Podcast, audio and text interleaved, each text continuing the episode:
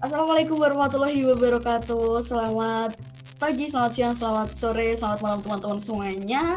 Balik lagi ke podcast cerita tentang kita di episode kedua. Udah episode pertama kemarin bahas soal ya singkat-singkat aja dan itu cerita tentang aku dan sekarang cerita tentang kita dan aku kepingin teman-teman teman-teman aku semuanya bisa belajar bukan dari satu orang, tapi belajar dari banyak orang. Nah, melalui podcast aku ini cerita tentang kita, teman-teman bisa berbagi uh, gimana nanti pembicara-pembicara teman-teman aku khususnya nanti bisa berbagi ke teman-teman aku yang ada di Instagram, yang yang ada di Spotify nanti yang ada mendengarkan. Uh, jadi kalian bisa memiliki pembelajaran lah ada ada nilai nantinya akan teman-teman ambil dari mendengarkan di sesi episode kedua ini guys Oke kali ini aku mau kenalin nih teman aku, teman SMA aku teman-teman. Jadi namanya adalah Ageng Kinasi, di mana dia lahir pada Rembang 12 Maret 2002. Domisilinya ada di Rembang, Pendidikan saat ini adalah sekolah tata busana, tepatnya di Surakarta atau Solo ya. Dan moto hidupnya adalah luar biasa. Menyerahlah jika kamu ingin kalah. Ayo, keren banget ya sih? Dan prestasinya teman-teman, juara harapan satu vokal grup, juara tiga hadroh, juara satu paduan suara. Bareng aku nih pasti nih juara dua fashion show. Oke kali ini telah hadir Ageng Kinasi. Hai selamat pagi selamat malam. Kali ini selamat malam. Halo Ageng selamat, selamat malam. Halo selamat malam. Oke gimana nih kabarnya pada malam hari ini? Baik-baik aja kah? Alhamdulillah. Alhamdulillah sehat.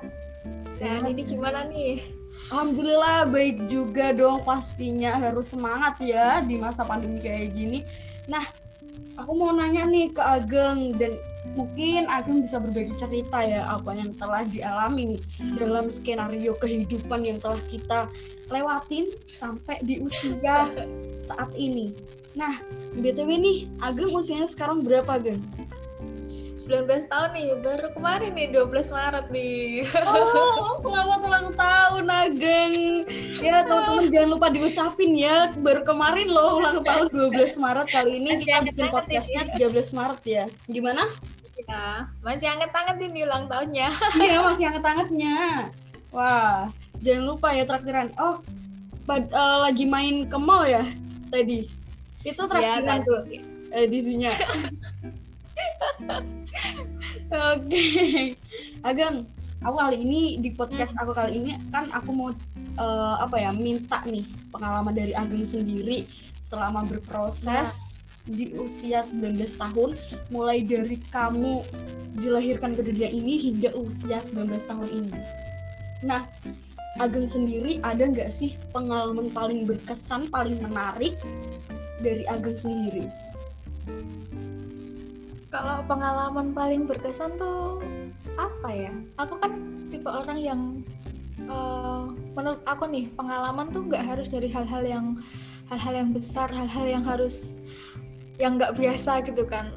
Aku tipe orang yang menghargai walaupun itu hal-hal kecil gitu loh. Jadi menurut aku tiap hal-hal kecil itu menurutku udah menarik cukup menarik buat aku. Kayak contohnya nih kayak pas pertama-tama ketemu sama orang nih. Ketemu sama orang yang belum dikenal terus kita bertukar sudut pandang masing-masing nih. Kita sama-sama gimana cara kita ngeliat kehidupan. Itu tuh menurut aku udah cukup menarik sih karena aku bisa ngeliat gimana sih cara orang tuh ngeliat kehidupan gimana cara mereka ngadepin masalahnya masing-masing. Uh, kayak ya nggak tahu menurutku menarik aja gitu dengerin orang-orang cerita kayak gitu Oke, jadi hal-hal kecil itu tuh juga penting ya, bukan di sisi lain yang paling menarik itu biasanya mendapatkan suatu prestasi yang besar gitu. Itu juga pengalaman menarik, tapi yang paling menarik ketika kita uh, bisa apa ya belajar dari orang lain juga ketika kita mendengarkan, ketika kita berbagi cerita itu juga paling menarik ya pengalaman menarik mungkin. Ya menurut Ageng seperti itu. Luar biasa nih Ageng. Geng kamu sekarang kesibukannya kan uh, kamu sekarang ada di Solo. Nah pastinya kesibukan kamu di sekolah tata busana itu saat ini apa nih? Ya sekarang kesibukannya ya cuma kegiatan di sekolah. Di sekolahku saat ini kan nggak ada kayak ekskul ekskul gitu ya. Ya cuma fokusnya sekolah aja. Ada banyak apa ya mata kuliah lah istilahnya. Ada tailoring ada fashion design. Dulu pas semester awal ada juga um, color theory gitu. Terus ada pelajaran akademisnya juga. Contohnya bahasa Inggris bahasa Mandarin. Nah kesehariannya ya hari-hari sekolah. Selasa sampai Jumat sekolah yang jahit yang gambar itu sih yang paling sering dilakuin sekarang Wih, kamu kan sekolahnya tata busana ya, pasti kesibukannya ya seputar itu ya, membuat, merancang, iya. merancang, membuat, uh, ya mendesain-desain fashion ya. Nah, kamu ada nggak sih, Gang, or orang yang menginspirasi yang membawa kamu untuk memutuskan kamu ingin menjadi seorang desainer itu siapa tuh? Uh, diri sendiri sih. Wih, diri sendiri. Kok bisa? Kok bisa? Itu gimana tuh? Apa ya? Uh, dulu kan ceritanya nih kan aku nih orangnya kecil ya kayak bobotku tuh kecil banget gitu.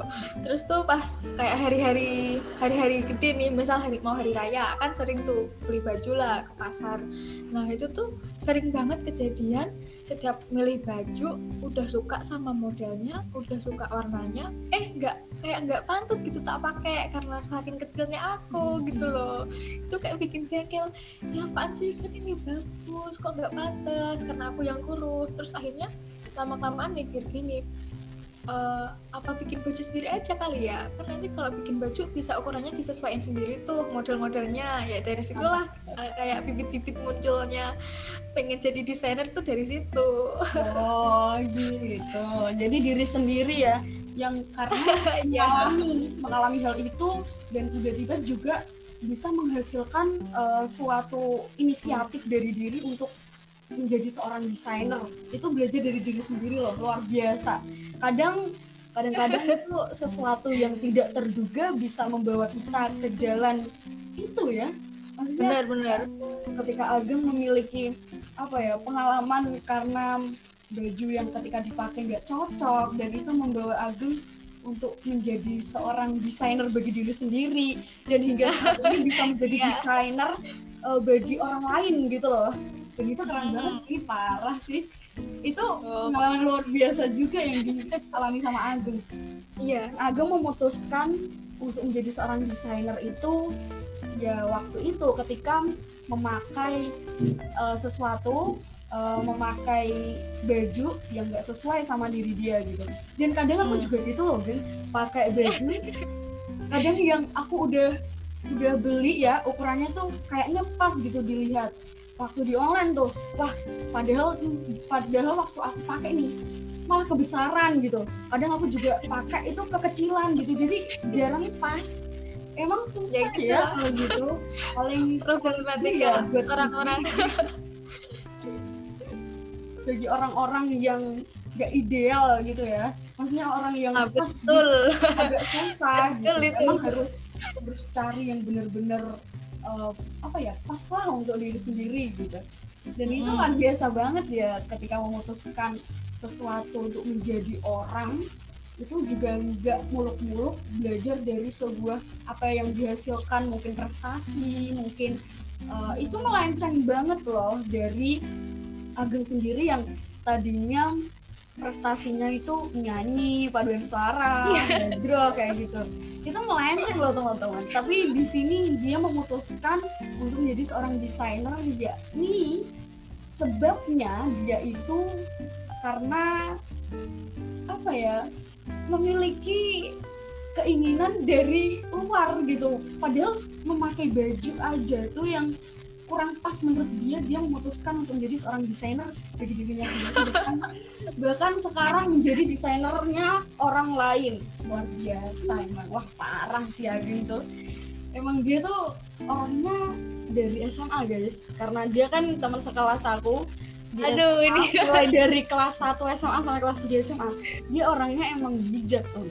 Kalau disuruh kalau disuruh soal memutuskan sesuatu hal itu emang nggak terduga kadang-kadang emang luar biasa. Aduh, aku untuk Ageng dong. Luar biasa Ageng ya. Luar biasa. Nah Ageng aku mau nanya nih. Sekarang kan kamu udah menjadi seorang desainer tata busana ya. Mulai belajar belajar lah gitu. Iya, kan masih belajar. bisa menjadi menjadi orang lah gitu. Orang sukses. Nah menurut kamu nih Gen definisi orang sukses itu apa sih? Definisi orang sukses. Kan sukses itu setiap orang punya eh, punya kriterianya sendiri lah. Apa sih sukses untuk setiap orang gitu. Kalau menurut aku orang sukses itu ya orang yang sudah berhasil mencapai apa yang dia mau. Sudah menemukan sudah berhasil mencapai tujuan yang dia cari gitu loh. Ya, apa tujuan apa, terus apa yang dia mau itu ya tergantung dia sendiri. Menurutku orang-orang yang udah bisa mencapai itu itu sudah menjadi orang yang sukses sukses nggak harus muluk-muluk jadi orang yang uh, jadi pejabat jadi orang kaya kan nggak perlu kayak gitu ya. Kita berhasil melakukan sesuatu yang menurut kita itu luar biasa itu menurut aku udah sukses gitu. Simple aja sih. Bener banget. Sesimpel itu harusnya ya untuk menjadi seorang yang sukses. Nggak muluk-muluk untuk selalu hal-hal besar. Hal-hal besar itu boleh dijadikan sebuah impian tapi di sini kita harus memiliki standar. Betul nggak sih? Kita harus memiliki minimum lah untuk mencapai sebuah kesuksesan itu. Nah untuk kesuksesan besar itu bisa dicapai kalau kita memiliki minimal untuk mencapai kesuksesan itu. Ketika kita meni- memulai dari minimal ke minimal minimal minimal dan makin tinggi makin tinggi dan hal besar itu bakal bisa kecapai gitu. Betul gak sih Gen? Betul banget atuh. Iya betul banget ya. Jadi seperti itu sih kita harus memiliki standar kesuksesan. Nah untuk mencapai sebuah kesuksesan di puncak nah itulah kamu bisa menggapainya sedikit demi sedikit lama-lama menjadi bukit. Gitu aduh pertanyaannya mantep. Nah, Gen, kamu kan di waktu luang kayak gini punya kesibukan eh, yaitu mendesain ataupun eh, belajar-belajar hal-hal kecil ya. Kamu mungkin kamu eh, sekarang tiktokan mungkin ya. kamu tiktokan gak sih? enggak aku bukan tiktokan ya? tiktokan aku nggak tiktokan Iya, kan eh, anak-anak milenial nih zaman sekarang kan pada heboh banget tuh TikTok ya. Nah, menurut kamu tuh ya anak-anak TikTok seperti itu eh, apa nih memberikan pengaruh apa nih di pandangan Agen? Mungkin kan setiap persoalan itu memiliki negatif dan positif. Nah, apa nih pandangan Agen an- eh, tentang hal itu? kalau aku menyikapi budaya tiktokers zaman sekarang ya itu sebenarnya nggak apa-apa lah. Kayak nggak apa-apa kamu punya hobi kamu salurkan hobi kamu di tiktok kamu ngedance kamu eh, gambar-gambar kamu videoin nggak apa-apa. Itu hal yang positif gitu loh. Tapi itu tuh harus dilakukan dengan batas yang normal harus tahu batasannya lah. Ketika kamu ngelakuin sesuatu tapi itu berlebihan juga nggak ada yang baik kan udah ada banyak tuh pepatah. Lakukan secukupnya jangan berlebihan. Ya itu tadi. Kalau kamu terus-terusan tiktokan terus nih seharian tiktokan goyang-goyang terus nih. Sampai jadi sindrom tiktok ya kan? Itu Kacau itu. eh, nggak baik kan kamu bakal ngelewatin banyak-banyak hal cuma karena kamu tiktokan kamu bakal melewatkan banyak kesempatan di hidup kamu cuma karena kamu kayak gitu gitu. Ya lakukan itu secukupnya saja. Lakukan eh, untuk menyalurkan hobi buat senang-senang hindarin stres ya kan? Kan zaman-zaman covid gini di rumah terus nggak pernah ke mana-mana kan stres nih. Ya tiktokan boleh tapi ya jangan sampai melewatkan banyak hal-hal penting di hidup kamu. Itu aja sih. Setuju banget. Setuju banget sih Geng. Itu emang perlu ya perlu ditekankan sama anak-anak milenial di zaman sekarang ya. Apalagi masa pandemi nih Geng kan anak-anak tuh eh, sekarang sibuk tuh bikin TikTok. Dan eh, hampir lupa waktu juga kadang-kadang gitu. Nah itu perlu ditekankan bahwa jangan terlalu berlebihan.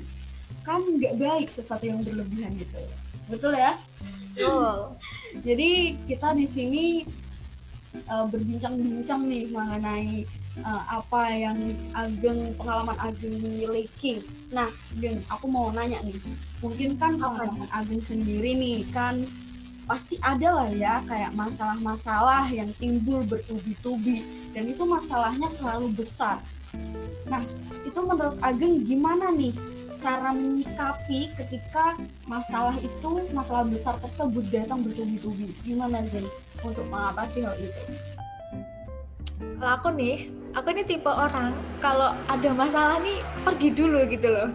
Ya sebenarnya kalau menurut orang yang nggak kenal aku tuh pasti mikirnya nggak baik. Mas ada masalah dia pergi gitu kan. Tapi kayak udah mendarah daging gitu loh. Kalau kalau ketemu sama masalah itu aku bakal pergi dulu. Tapi pergi gue ini bukan dalam artian pergi yang lari terus nggak nyelesain masalah itu ya. Tapi ya aku cuma pergi buat nenangin diri aku dulu gitu loh soalnya nih aku orang yang gampang kalap gitu. Kalau ada banyak masalah nih terus numpuk numpuk numpuk nih kalau aku nggak pergi dulu nih pasti bakal meledak ledak gitu loh.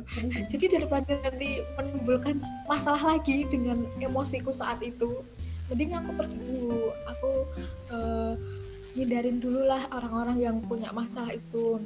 Tapi pasti bakal balik kok nggak lama juga perginya paling buat nenangin diri aja. Nanti pasti, pasti bakal balik pasti bakal diomongin lagi. Tapi pas aku udah tenang ya karena nggak ngadepin masalah di saat posisi diri sendiri lagi nggak tenang dalam tekanan yang besar itu juga nggak akan menyelesaikan masalah dengan baik.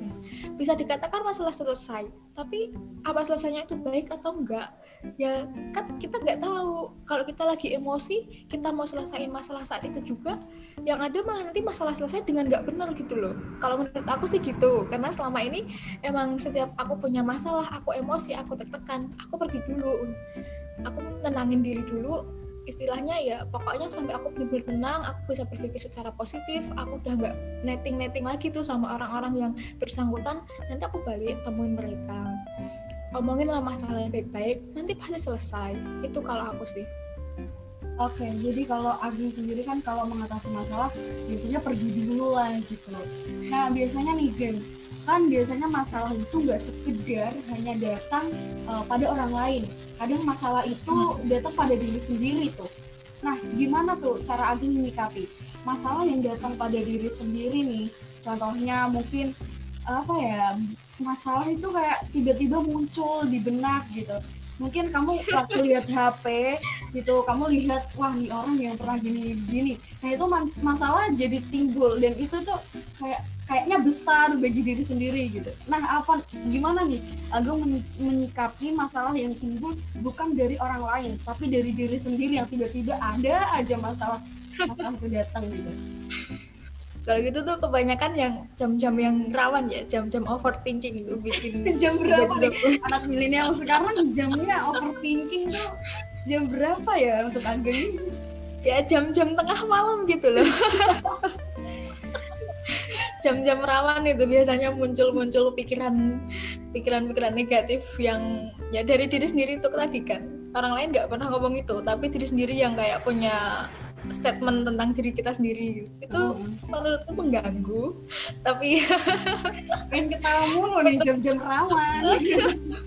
Untuk menyelesaikannya sendiri masih sedikit jadi pertanyaan buat diri sendiri sih. Kadang ya bisa selesai kadang juga masih jadi pikiran sampai sekarang. Kalau selesai nyelesainnya ya intinya berdamai dengan diri sendiri. Harus mau menerima diri sendiri lah love self ya mantap banget. Nah kalau jam-jam rawan gitu geng kalau buat aku sendiri tuh aku tinggal tidur langsung gak rawan. Ini masalah besar tuh. Eh, jam-jam rawan itu menyebabkan kita kan semakin overthinking. Wah overthinking semakin terus tuh ya kan. Semakin membludak semakin nggak jelas itu pikiran-pikiran yang muncul. Kayak tiba-tiba aja ada aja gitu. Ah iya berdamai dengan diri sendiri itu jauh lebih menenangkan iya Nah, Gem, kan sekarang banyak ya udah mau mulai untuk menjadi seorang yang dewasa nih. Kita sama-sama 19 tahun. Kamu baru dan aku mau 20 tahun. Aduh, ya. rasanya kepala dua, bosku. rasanya berat sekali ya. masih Mau gini on ya? gitu yang penting jangan lupa bersyukur aja gitu ya. Ah, betul. eh tapi tetap aja gak siap 20 tahun itu. Terasa tua ya. Aduh aduh. Oke. Harus siap. balik lagi nih balik lagi ke cerita tentang kita geng. Nah geng apa ada nih? Apa ada pencapaian paling tinggi nih? Untuk Ageng sendiri tuh pencapaian tertingginya tuh apa geng Em, aku mau bikin itu sih butik. Pengennya kayak itu hal tujuanku tujuan terjauh saat ini gitu loh. Benar-benar hal yang harus tercapai dan pengen tak capai suatu saat nanti punya butik. Wah bikin butik mantap juga gini. Nah ntar endorsein aku ya kalau aku. Siap. Kalau udah married. menikah ngomong ya. Kalau menikah ngomong ya. Siap siap. Jangan lupa endorse ya. Mungkin teman-teman yang lagi mendengarkan ini ya mungkin eh, lagi eh, apa ya?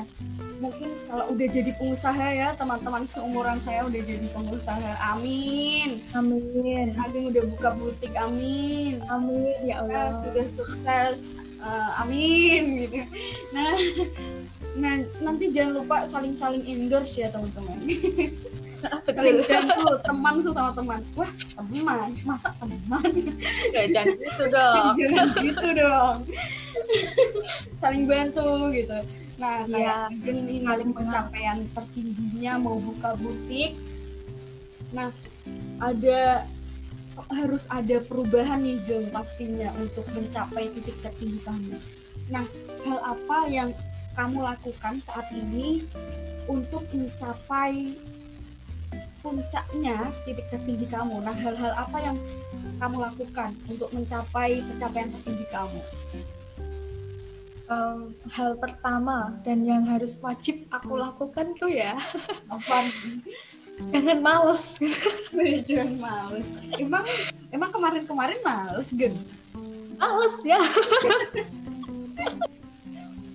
aku tuh orangnya kadang males tapi kalau lagi disiplin ya disiplin banget gitu jadi kayak masih belum konsisten gitu loh belum bisa nemuin eh, titik yang benar-benar untuk berjuang saat ini gitu Jadi Jadi kadang tuh penyakit ya. males. Iya. bisa konsisten gitu.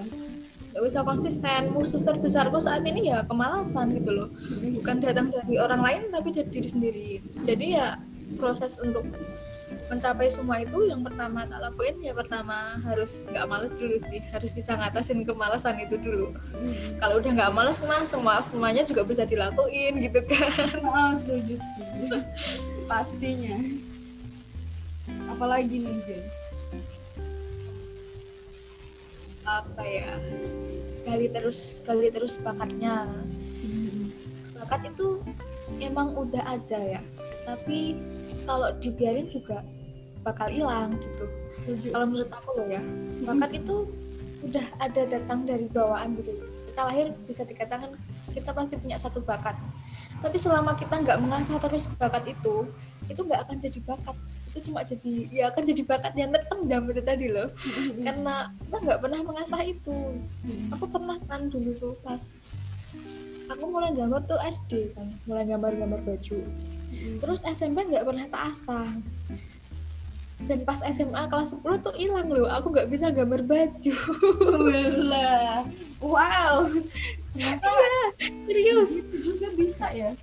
bisa soalnya kalau nggak diasah tuh tangannya jadi kaku. Kalau aku loh ya kan aku gambar. Kalau tangan nggak tak asah nggak tak latih terus tuh jadi kaku. Gambar apa ya bikin proporsi tubuh manusia bikin anatomi manusia itu loh manekin. Itu tuh nggak nggak- nggak cakep gitu loh kok proporsinya nggak bagus? Entah kepalanya lebih gede lah atau dadanya terlalu bidang lah kayak binaragawan gitu. Jadi jadi harus diasah. Terus diasah terus. Jangan dibiarin hilang gitu aja. Jadi perlu mengasah bakat, terus eh, mengatasi permasalahan diri ya. Ya problem solving de- di diri sendiri tuh apa gitu. Contohnya kalau Agung kan kemalasan. Mungkin kalau aku sendiri juga sama sih nggak bisa konsisten. Dan ini aja uh, bikin podcast kayak gini aja niat-niatnya. Mungkin kalau uh, ntar uh, nggak niat ya nggak bikin gitu. Kadang gitu. Makanya mulai dari sekarang bikin jadwal bikin jadwal. Jadi biar konsisten gitu. Hari ini betul sih kayaknya emang gitu. kayak gitu sih. Nah geng ngomong-ngomongin soal bakat nih. Nah gimana sih caranya menggali sebuah bakat itu? Kadang kan orang-orang nih pada bingung kadang. Kalian tuh pada bingung uh, cari bakat itu harus dicari di mana gitu. Nah menurut Ageng nih gimana sih cara menggali sebuah bakat itu biar tumbuh gitu? Kalau buat aku sendiri, pertama temuin hobi dulu sih. Hmm. Ya jadi bakatmu itu berasal dari hobimu. Memang bakat itu berbeda dengan hobi, tapi bisa jadi hobimu itu bisa jadi bakatmu. Kayak Nindi nih, hobi nyanyi. Ternyata bakatnya juga dinyanyi kan, jadi jadi penyanyi, suaranya bagus gitu. Amin, amin ya Allah. lah aku juga sama. Hobi aku kan juga yang gambar ya nyanyi gitu kan. Tapi ya dari dua ini ya diasah dulu kayak uh, dilihat lah kira-kira tuh presentasinya lebih gede yang lebih menonjol tuh di mana gitu loh. Kalau aku kan lebih ke gambar ya. Kalau nyanyi aku masih ya abal-abal. Weh, jago banget loh padahal. Hedro, bosku. itu kayak lebih di gambarnya gitu. Terus ketahuan deh ternyata memang ada bakat di gambar. Terus kalau udah ketahuan gitu ya itu tadi diasah lagi terus dilatih. Jangan dibiarin tang-tang udah ketemu nih disepelein. Dah lah udah ketemu bakat gua. Biarin aja besok gua, gua latih besok aja dah gitu. Hmm. jangan. Jangan ya, jadi nggak harus fokus mulai ya. dilatih dari ini dilatih dari sekarang diperbaikin lagi kurang-kurangnya di mana nah dari situ kan nanti bakal ketahuan di mana bakatmu yang sebenar-benarnya bakatmu itu gitu Setuju, setuju. Dan dan juga tadi dibilang harus benar-benar diasah terus. Jadi harus fokus. Eh, ketika udah menggali nih sebuah hobi, hobi kamu yang bener tuh apa? Mungkin yang ini nih buat orang yang bener-bener yang lagi dengerin, mungkin yang bener-bener nol atau kosong zero ya paling jelek banget gak ada bakat dari diri gua. Gua harus gimana gitu. Nah, hal yang pertama dilakuin adalah yang dikatain dikata sama Ageng bahwa harus mencari sebuah hobi. Hobi kamu tuh apa? Aduh, nggak ada hobi, hobi gue tidur gitu. Nah, gimana tuh? Mampus gak tuh? Gimana mau cari bakat kalau lo hobinya tidur gitu kan? lah ya tuh bingung Boro-boro mau punya bakat, hobinya aja tidur, mager ya. kamu perubahan ini harusnya- wajib mendengar ini harusnya sekilas lo kan mungkin hobinya suka main HP gitu kan suka scroll scroll mungkin ya mungkin di di sisi lain ketika lo scroll scroll lo belajar sesuatu dari seseorang. Nah kamu apa nih yang suka kamu lihat ketika kamu scroll scroll di HP apa yang suka kamu lihat? Mungkin ada seseorang yang menginspirasi kamu. Wah aku suka nih kalau orang apa liatin orang lagi ngedance ngedance suka banget liatin orang-orang kalau bikin kata-kata motivasi gitu ya udah di digali aja terus. Wah kamu suka nih sama kata-kata motivasi. Ya udah kamu ikutin aja di situ. Mungkin kamu nantinya punya hobi bikin kata-kata. Nah mungkin jadi nantinya menjadi seorang penulis kan? Iya. Nah Betul tuh. banget itu bisa jadi salah satu jalan tuh. Hmm, buat orang-orang yang benar-benar dari nol gitu. Nggak hanya penulis teman-teman mungkin lainnya gitu. Mungkin kamu suka nonton film. Nah bikin aja film gitu kan. Mungkin kamu yang suka nonton ikatan cinta tuh.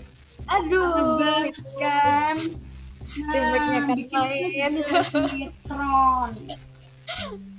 Sinetron kayak gitu. Nah pastinya sesuatu itu bisa didapetin teman-teman. Selalu carilah gali. Mungkin kamu follow orang-orang yang bisa menginspirasi kamu nah di follow aja dan kamu sering-sering DM atau apa gitu. Uh, kasih masukan lah sama orang itu. Wah dia kurang gini gini nah mungkin aja kamu bisa direkrut. Tapi ya nggak segampang itu kamu harus berproses gitu. Karena suatu uh, apa ya usaha itu tidak akan mengkhianati hasil. Apa terbalik ya bosku uh, mana ya? Hasil itu tidak mengkhianati usaha kan udah mau jam-jam rawan ya? Oh belum ya? Masih lama. Masih lama lah jam rawan tuh tengah malam. Jadi hasil itu tidak akan mengkhianati usaha. Nah buat teman-teman semuanya yang emang benar-benar gak punya bakat itu bisa digali ya geng? Kayak gitu. Nah, nah geng kita nih udah jam berapa ya tadi ya? Udah jam 8 ya. Kita mau udah mau 30 menit mau mencapai 30 menit. Ada nggak sih? Aku mau minta nih minta statement dari Arjun sendiri buat orang-orang yang sedang berjuang. Waduh asik. Berjuang. Apa nih statement dari Ageng silahkan Ageng ya untuk semuanya para pendengar nih yang sedang berjuang memperjuangkan apa pun lah ya, ya. jangan jangan pernah menyerah sih. Terus perjuangkan itu. Ya walaupun susah walaupun berat yang namanya perjuangan tuh nggak ada yang mudah teman-teman. Pasti ada jatuh bangunnya pasti ada sakitnya tapi jangan jadi itu sebagai alasan kalian buat menyerah. Kalau kalian menyerah buat apa gitu loh kalian berjuang? Sekalian aja dari awal tuh nggak usah berjuang. Kalau kalian udah udah setengah jalan terus kalian ngerasa uh, semuanya itu kayak lagi lebay-lebaynya nih oh berat banget siapaan gini gini gini gini cobalah kalian tengok ke belakang. Udah banyak banget hal-hal yang kalian lewatin. Udah banyak banget pencapaian yang kalian dapat sampai di titik itu gitu loh. Kalian udah ngelewatin banyak hal jadi janganlah buat mikir buat menyerah gitu loh. Masih banyak hal-hal positif yang nunggu kalian di depan nanti. Terus berjuang berusaha ikhtiar. Jangan lupa doa. Sekeras apa pun kita usaha kalau kita ngelupain Tuhan itu juga nihil. Kita nggak bakal dapat apa-apa. Kalau kita juga cuma doa-doa doang nih kita nggak ada usaha sama aja. Bakal nihil. Jadi kita tuh harus seimbang 50% gitu loh ya usaha ya doa. Kalau kalau itu udah dilakukan secara bersamaan usaha kita juga nggak main-main doa kita juga udah tekun insya Allah pasti bisa. Tinggal kita nunggu hasilnya aja gitu loh. Kalau emang itu yang terbaik untuk kita pasti akan diberi buat kita. Kalau enggak kita akan diganti dengan yang lebih baik. Jadi tetap semangat jangan nyerah uh, tetap lakuin apa yang kalian lakukan sekarang Insya Allah nanti pasti bakal dapat dicapai teman-teman. Semangat. Wih, banget. Nih, Tadi loh, aku sampai uh, masih terngiang-ngiang. Ya pokoknya jatuh bangun itu harus dijalanin gitu. Langsung aku keinget jatuh bangun aku. Aku tuh? Malah diajak nyanyi dangdut Tony. Biar biar nggak tegang biar nggak tegang. Biar santai bro ya jadi seperti itulah. Ya pokoknya apa pun harus dijalani gitu. Wah, aku suka banget sih sama kata-kata Aging tadi. Kalau oh. kita uh, apa ya, udah berjuang, udah berusaha, kalau kita nggak berdoa uh, kita nggak kembali lagi sama Tuhan itu nihil tuh betul. Benar sih emang bener. Ya. Kebanyakan orang memang melupakan itu gitu kan. Setuju setuju. Dan mentang udah usaha banyak kayak ngerasa aku udah ngelakuin banyak hal tapi aku nggak dapet apa yang aku mau dia aja lupa dia nggak minta sama yang punya hidup gitu nah yang punya hidup itu siapa loh Gak lupa. Takutnya kali. ya itu pembelajaran buat kita semuanya ya teman-teman. Kita harus kembali ke jalannya. Siapa yang menciptakan kita? Kita harus benar-benar membuka. Kita harus open mindset dan open minded, teman-teman. Ya enggak gitu? Penting itu, penting. Zaman sekarang kita tuh jangan kolot ya, teman-teman. Kita harus tetap open, open minded gitu jangan cuma ngelihat beberapa eh jangan cuma ngelihat hal dari cuma satu sudut pandang ya kita harus lihat dari banyak sudut pandang itu yang bisa bikin pikiran kita maju Sepakat, bener banget sih. Kadang tuh orang-orang itu pemikirannya pada cuman sisi dia aja, makanya banyak orang yang Iya. berantem, suka berantem. Ya kita bolehlah meluruskan gitu. Jangan kolot sama pendapat pribadi gitu.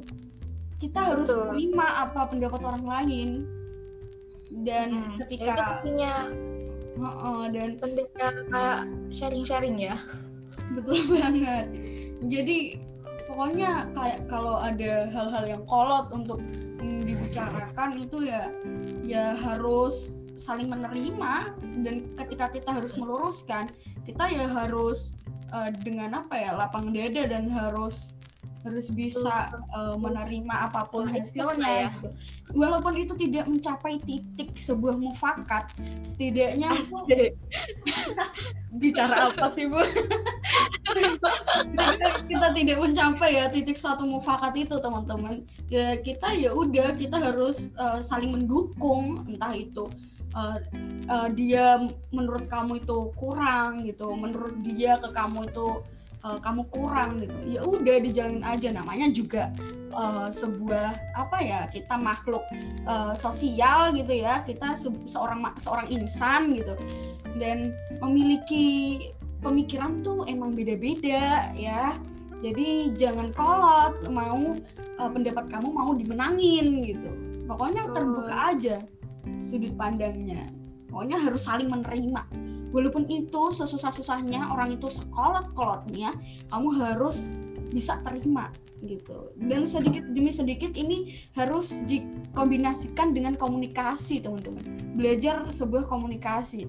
Dan sedikit demi sedikit untuk mencapai sebuah kebenaran itu kamu bisa eh, apa ya sedikit membawa pembicaraan kamu itu padahal pembicaraan kamu yang benar itu harus orang itu harus bisa di apa ya diajak lah menuju ke suasana yang kamu inginkan gitu. Jadi itu belajar sebuah komunikasi sih. Karena mata kuliah aku se- sebenarnya ada komunikasi gitu. Jadi aku sharing lah di sini.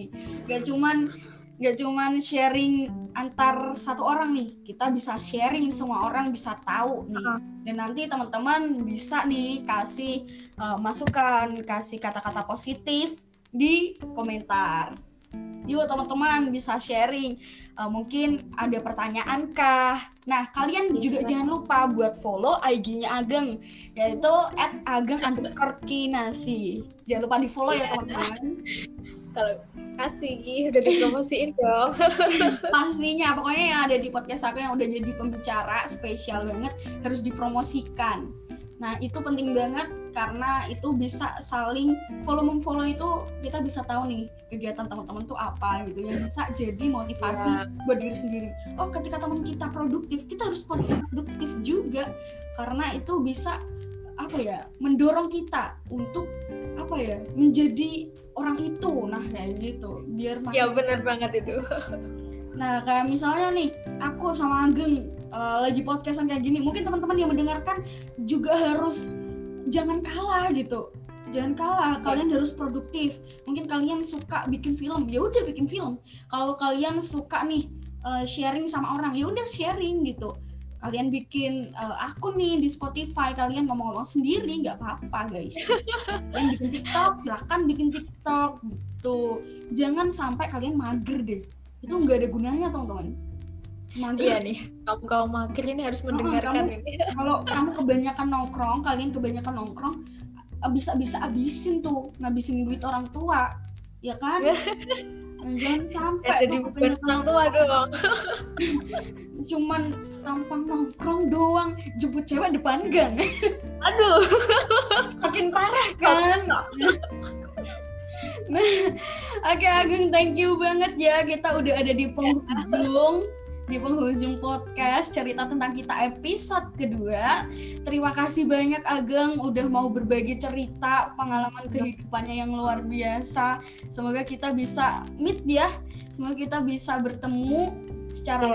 langsung di Rembang gitu atau enggak Ini aku main kangen nih. kapan-kapan mungkin Ageng oke siap Ini main ke Solo nih. Iya waktu itu aku udah main ke Solo, cuman Agengnya belum ke Solo waktu itu. Ya. Kita masih sama-sama di uh, apa ya, masih liburan kali ya, menuju kuliah gitu. Jadi waktu itu kita masih mencari apa nih, mencari jati diri kan. Asik. Asik gitu. Oke, thank you banget Ageng udah hadir di Ya, podcast cerita episode kedua. Sampai ketemu di lain waktu. Dan teman-teman jangan lupa buat follow IG-nya at Ageng underscore kinasi dan itu sangat menginspirasi sekali dan Ageng adalah seorang desainer insya Allah ke depannya dia akan membuka sebuah butik yang luar biasa kita doakan teman-teman semoga bisa tercapai amin Makasih Oke banyak teman-teman semuanya, terima kasih sudah mendengarkan podcast cerita tentang kita episode kedua. Sampai bertemu podcast cerita tentang kita ke episode ketiga. Sampai jumpa. Salam dari. Stephanie di Syafira.